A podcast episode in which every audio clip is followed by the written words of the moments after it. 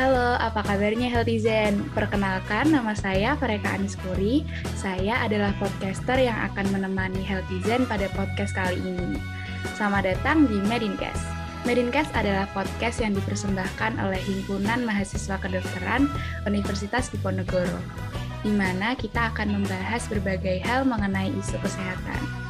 Dan pada podcast kali ini, kita telah kedatangan bintang tamu yang profesional dan sangat istimewa nih Healthy Zen. Dr. Natalia Dewi Wardani, spesialis kedokteran jiwa. Selamat pagi Dr. Natalia. Selamat pagi Fareka. Di dokter. Terima kasih dokter Natalia sudah menyempatkan waktunya untuk datang ke podcast kami dokter. Hari ini kita akan membicarakan beberapa topik mengenai mental health dokter pada mahasiswa selama pandemi. Ya. Oke okay, dokter. Uh, pertama-tama mungkin kita bisa mulai dengan mental health itu sendiri dokter. Uh, sebenarnya apa sih mental health itu dokter dan seberapa penting mental health ini dokter? Karena belakangan ini banyak sekali kita mendengarkan tentang mental health di media sosial, dokter. Ya, terima kasih. Jadi kesehatan mental uh, itu sebenarnya kalau misalnya di uh, di di psikiatri atau di bagian uh, kejiwaan, jadi disebut kalau sudah gangguan itu kalau sudah ada uh, distress sudah sampai menimbulkan distress dan disabilitas. Nah, jadi misalnya nih seseorang putus pacar, kemudian dia sedih. Nah, kalau misalnya sedihnya itu hanya misalnya bertahan beberapa hari, terus kemudian dia uh, dengan putus pacar dia berpikir ya udah yang kemarin sudah, atau uh, berarti saya punya kesempatan untuk dapat yang lebih bagus dari dia. Akhirnya dia bisa bangkit lagi, kemudian dia bisa beraktivitas lagi, bisa kuliah, konsentrasinya bagus. Nah, tentu kan berarti untuk orang tersebut tidak sampai ada distress dan tidak ada disabilitas. Nah, tapi kalau misalnya kesedihannya itu bertahan lama, jadi misalnya sampai dua minggu minimalnya, berarti kalau sampai dua minggu itu kan sudah memenuhi kriteria depresi. Nah, itu kemudian bukan hanya sedih yang dia rasakan, tapi juga jadi malas beraktivitas. Biasanya yang bangun pagi itu dia semangat untuk ke kampus, kemudian eh, dengan dia putus pacar, bangun pagi dia jadinya nggak semangat lagi untuk ke kampus. Uh, mau melakukan aktivitas rasanya malas bahkan untuk makan dan minum saja tidak berselera. Nah itu kan tentu saja sudah menimbulkan distress dan juga disabilitas sehingga uh, performa kuliahnya dia uh, terganggu. Dia untuk belajar pun merasa nggak sanggup kayaknya nggak nangkep untuk uh, untuk sudah baca berulang kali kok. Saya nggak nggak nggak terlalu bisa mendapatkan uh, apa yang saya baca ya berbeda dengan kemarin ketika saya uh, belum uh, putus pacar itu saya rasanya baca sekali aja langsung ingat atau dosen menerangkan sekali saya langsung ingat. Tapi ini sekarang uh, sudah beberapa lama kok saya nggak ter terlalu ingat Nah, terus pada akhirnya uh, sudah sampai menimbulkan uh, ada hendayanya konsentrasinya itu mengganggu performa belajarnya dia. Nah, berarti kan sudah ada sampai distress dan disabilitas. Nah, itu uh, termasuk berarti ada gangguan uh, dalam uh, kesehatan jiwanya. Baik, dokter. Uh, jadi mental health ini kalau dia tuh akan disebut sebagai gangguan kalau misalnya uh, dia menimbulkan distress dan juga disabilitas begitu ya dokter. Dan mental health ini memang sangat penting ya dokter uh, bagi kita untuk mengetahuinya. Mungkin kita bisa melihat ke keadaan kita saat ini ya dokter, uh, yaitu pada masa-masa pandemi. Uh, menurut dokter Natalia, bagaimana kondisi mental health mahasiswa dokter pada masa pandemi seperti ini dokter? Ya, uh, jadi di masa pandemi ini kan banyak sekali penyesuaian. Kuliah yang biasanya uh, ada tatap muka, misalnya, uh, jadi dosen itu bisa uh, menulis misalnya di papan, terus kemudian ada presentasi PowerPoint, terus kemudian juga memperagakan dengan gerakan misalnya atau sambil uh, menunjuk uh, mahasiswa untuk melakukan apa namanya skill tertentu itu jadi uh, berkurang ya. Jadi karena apalagi banyak penyesuaian sehingga selama kuliah ini semuanya uh, online yang biasanya uh, ada interaksi jadi tidak ada interaksi.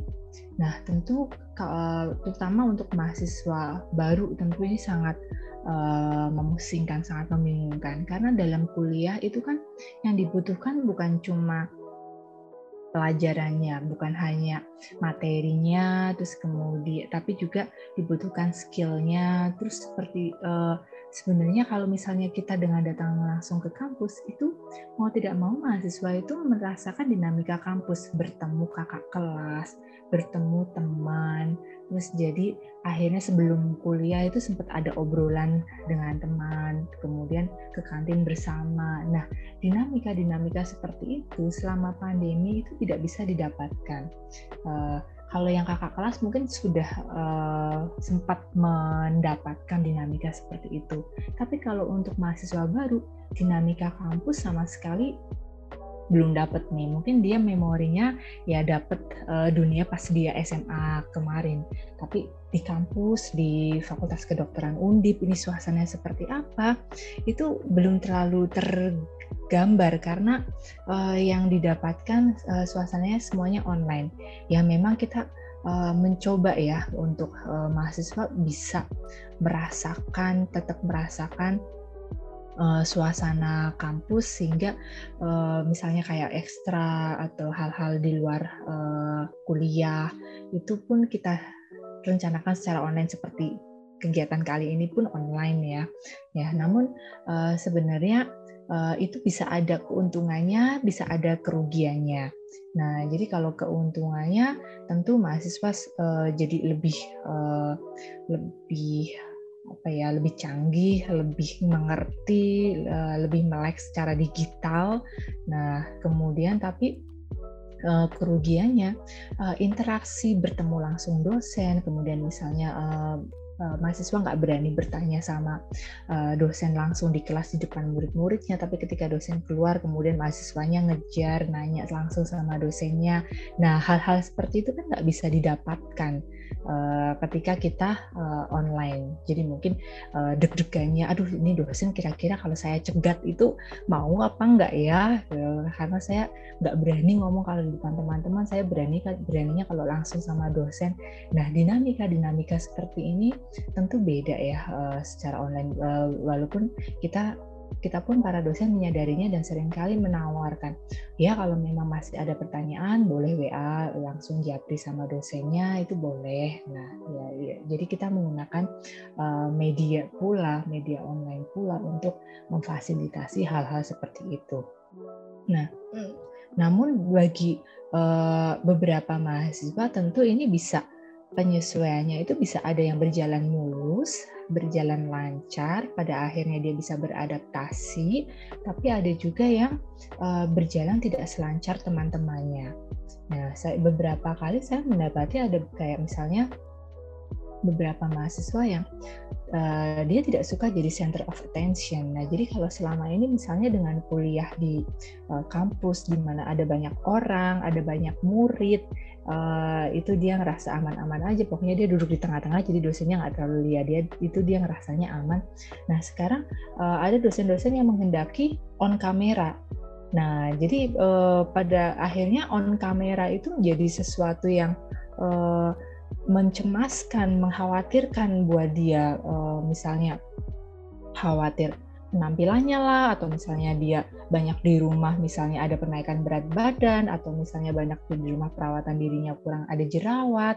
Nah, hal-hal seperti itu jadi kayak misal uh, tampil on kamera di depan uh, apa namanya di on, secara online, apalagi kalau misalnya nunjuknya pun kalau misalnya pas kita kuliah offline seseorang ditunjuk itu kan nggak semua mahasiswa lihat ya. Yang penting kita dengerin aja jawabannya yang ditunjuk karena semuanya yang ada depan kadang jadi ada beberapa orang yang nggak bisa lihat mukanya. Nah tapi kalau secara online satu orang ditunjuk apalagi kalau misalnya lewat zoom kemudian dipin nah mukanya dia kan akan kelihatan oleh semua orang. Dan itu adalah uh, hal yang sangat mengkhawatirkan buat uh, beberapa mahasiswa yang kayak ada kekhawatiran untuk jadi center of uh, attention. Nah, jadi beberapa saya menemui beberapa uh, mahasiswa yang menemui masalah uh, seperti itu.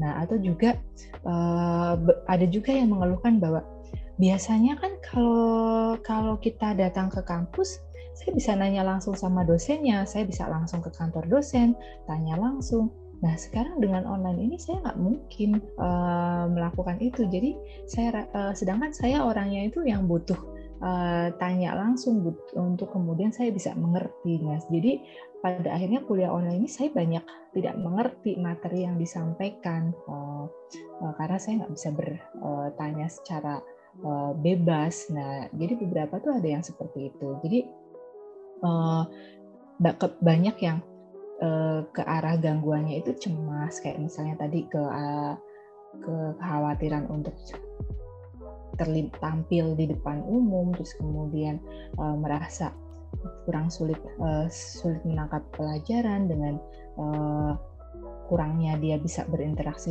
langsung dengan dosen untuk bertanya Nah, pada akhirnya sulit konsentrasi sehingga dia sedih merasa nggak berguna. Nah, jadi gambaran-gambaran ke arah cemas, stres, depresi itu uh, ada banyak uh, ditemukan pada uh, mahasiswa di era pandemi ini. Oke, baik, dokter. Uh, jadi uh, kondisi mental health di mahasiswa saat ini ini kurang bagus dokter karena uh, banyak penyesuaian dan uh, perasaan khawatir ini tuh berubah gitu dari yang dulu kalau offline uh, kita perasaan cemasnya karena ini sekarang perasaan cemasnya tuh uh, karena mungkin harus on cam dan lain-lain beserta hambatan-hambatannya begitu dokter. Uh, oh iya dokter, sedikit sharing dan juga pertanyaan dokter. Uh, saya banyak dengar dari teman-teman mahasiswa terkait keluhan kesehatan mental seperti lelah, bosan, stres, uh, burnout atau bahkan semacamnya. Menurut pandangan dokter Natalia sebagai ahli kedokteran jiwa, mengapa dokter banyak mahasiswa yang mengalami masalah tersebut selama pandemi COVID-19 ini? Ya, sebenarnya situasi ini bukan hanya dialami oleh mahasiswa ya, namun dialami oleh semua orang. Eh, apalagi eh, ini kebetulan kita PPKM-nya levelnya sudah mulai turun ya. Kita sudah level berapa sih? Saya sampai lupa level 2 atau level 1. Nah, Uh, tapi kemarin pada saat kita uh, level 4 uh, di mana uh, PPKM kemarin itu kan lebih uh, rasa-rasanya gelombang kedua kemarin lebih mencekam ya dibandingkan yang di uh, gelombang pertama. Jadi uh, nggak bisa ke mall, nggak bisa olahraga, yang biasa olahraga itu kan senangnya kalau ngumpul, kalau ada temennya. Tapi kalau misalnya sendiri di rumah kan rasanya nggak nggak sesemangat kalau uh, dilakukan bersama-sama dengan uh, teman. Nah jadi pada akhirnya uh, setiap hari harus online kuliahnya, belum lagi on kamera, belum lagi tugas tugas keterampilan klinis itu banyak. Buat video inilah, buat video itulah, jangka waktunya cuma berapa hari, terus kemudian harus cari uh, pasien padahal misalnya lagi isolasi mandiri, jadi uh, terus kemudian harus pasiennya siapa, orang di rumah lagi pada sibuk masing-masing, nggak bisa. Nah jadi uh, banyak hal yang uh, membuat uh, mahasiswa itu jadi tidak tersalurkan, uh, jadi uh, apa menghadapi hal yang itu-itu saja tiap hari bosan yang biasanya refreshing atau misalnya refreshingnya tuh nggak usah pergi ke mana-mana ketemu teman ngobrol-ngobrol ketawa-ketawa aja sudah bisa membuat bahagia. Ini ibaratnya sekarang semuanya tuh medianya online. Ketemu teman online kuliahnya online ekstrakurikuler juga online. Jadi rasanya itu jenuh kayaknya dunianya tuh di depan laptop atau HP terus. Nah jadi itu kan bukan situasi yang uh, menyenangkan ya. Karena kan uh, di depan layar juga matanya kan sering kali juga tidak enak. Uh, apa rasanya lebih kering dan sebagainya. Jadi pada akhirnya aktivitasnya walaupun sebenarnya dilakukan dengan online itu berbeda-beda. Ada kuliah ada ketemu teman ada ekstrakurikuler. Tapi rasanya sama semua karena dilakukan dengan uh, gadget. Nah jadi pada akhirnya ngerasanya uh, dan nggak bisa keluar uh, rumah, misalnya karena dibatasi, misalnya lingkungannya itu uh, sekitarnya itu misalnya zona merah, jadi nggak bisa ke mana-mana. Jadi uh, ba uh, banyak hal yang pada akhirnya mereka uh, sulit menyalurkan uh, bisa refreshing seperti itu. Nah, jadi padahal sebetulnya uh, ada banyak alternatif refreshing yang bisa dilakukan dari uh, rumah saja. Oke, jadi uh, menurut pandangan Dokter Natalia itu uh, kenapa kita mahasiswa ini banyak yang merasakan lelah, jenuh, burnout itu karena uh, hal yang dilakukan itu hanya menggunakan media sosial dan juga gadget uh, bicara tentang uh, adaptasi dan juga perubahan tadi, dokter. Sudah hampir dua tahun pandemi melanda kita semua. Tidak bisa kita pungkiri banyak perubahan yang terjadi dan adaptasi yang mau tidak mau harus kita lakukan. Uh, apakah menurut dokter adaptasi dan perubahan kebiasaan ini memicu munculnya masalah pada mental health, dokter? Jadi kalau adaptasinya itu pada akhirnya berlangsung uh, baik, pada akhirnya bisa uh, lancar, tentu uh, jadinya tidak uh, tidak menimbulkan distress tersendiri. Jadi eustress uh, saja. Nah, tapi kalau misalnya adaptasinya itu tidak berlangsung baik, bisa jadi uh, menimbulkan distress tersendiri. Nah, contohnya uh, ada uh, salah seorang uh, mahasiswa yang uh, refreshingnya itu dengan dia ngedance, dance K-pop. Jadi biasanya uh, dia ikut lestari K-pop dengan kemarin PPKM, akhirnya lestarinya dibuat online. Nah, terus ya awalnya dia ya dia tetap ngedance, terus kemudian pada akhirnya lama-lama dia merasakan uh, ya tetap beda. And kalau misalnya offline itu yang saya lihat bukan hanya uh, gurunya yang menari, tapi kalau ada juga teman-teman di kanan kiri saya yang saya lihat. Jadi kalau saya misalnya nggak terlalu mudeng dengan gerakan gurunya, uh, tapi kalau gerakan uh, teman-teman yang lain itu bisa lebih sederhana dan saya lebih bisa ngikutin. Nah, tapi kalau misalnya online, yang kelihatan hanya gurunya dan saya nggak terlalu uh, tahu. Nah, seperti itu. Jadi uh, belajar kalau offline itu belajarnya bukan hanya dari guru tapi juga teman-temannya, tapi kalau uh, online hanya dari guru saja karena yang kelihatan besar di tengah itu kan gurunya. Apalagi kita bergerak kan nggak mungkin sambil ngeliatin yang kecil-kecil teman kita. Itu kan nggak mungkin uh, kelihatan. Nah jadi proses uh, adaptasi uh, dari kehidupan ataupun uh, kegiatan yang selama ini offline uh, jadi online uh, itu pun satu dan lain orang menghadapinya berbeda-beda. Ada juga yang jadi uh, bisa jadi adaptasinya nggak lancar sehingga uh, pada akhirnya bisa menimbulkan distress tersendiri seperti itu.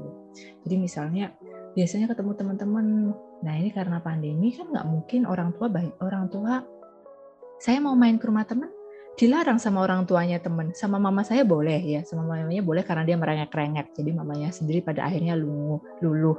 Nah tapi ketika mau ke rumah teman ya, yang melarang adalah orang tuanya teman. Nah jadi saya nggak bisa ke mana-mana. Nah jadi uh, ada hal-hal uh, seperti itu. Orang tua kan kadang-kadang bisa luluh uh, anak-anak anaknya merengek ya udah deh boleh. Nah tapi orang tuanya teman uh, nggak boleh karena orang tuanya pun misalnya uh, punya faktor risiko dan sebagainya. Itu kan sesuatu yang kita nggak bisa atur. Semua keluarga tentu punya uh, kebijakan tersendiri uh, untuk mengikuti aturan pemerintah betul-betul atau misalnya masih bisa mengizinkan misalnya untuk teman dekat seperti itu. Uh, jadi tidak bisa kita pungkirin perubahan itu bisa memicu munculnya masalah mental health atau kalau misalnya berlangsung baik uh, tidak bisa tidak menimbulkan distress seperti itu dokter. Uh, bicara tentang perubahan lagi dokter, salah satu perubahan di masa pandemi ini kan adalah perubahan cara berinteraksi. Dari cerita teman-teman, pandemi ini membuat kita mengurangi interaksi dengan orang lain secara langsung dalam jangka waktu yang cukup lama. Hal ini mungkin membuat beberapa orang menjadi merasa cemas ketika harus berinteraksi dengan orang lain. Menurut Dokter Natalia, bagaimana untuk mengatasi hal tersebut, dokter? Ya, ini terima kasih. Nah, jadi uh, ya tentu kembali lagi berinteraksi secara offline dengan online beda ya. Kalau misalnya offline, kita misalnya nggak berani, ya kita bisa uh, datang jabat tangan kemudian senyum aja. Nah, kita senyum aja orang lain sudah langsung ngomongnya banyak. Nah, jadi untuk orang yang mem, uh, mem, untuk memulai percakapan itu uh, bingung, dia cukup bermodalkan senyum aja, senyum saja nanti orang lain sudah ngomongnya banyak. Nah, tapi kalau misalnya interaksi secara online, uh, di mana kadang-kadang ada ada kekurangan, misalnya uh, jaringannya atau kameranya kualitasnya kurang bagus, kita senyum tuh nggak kelihatan senyum oleh teman kita.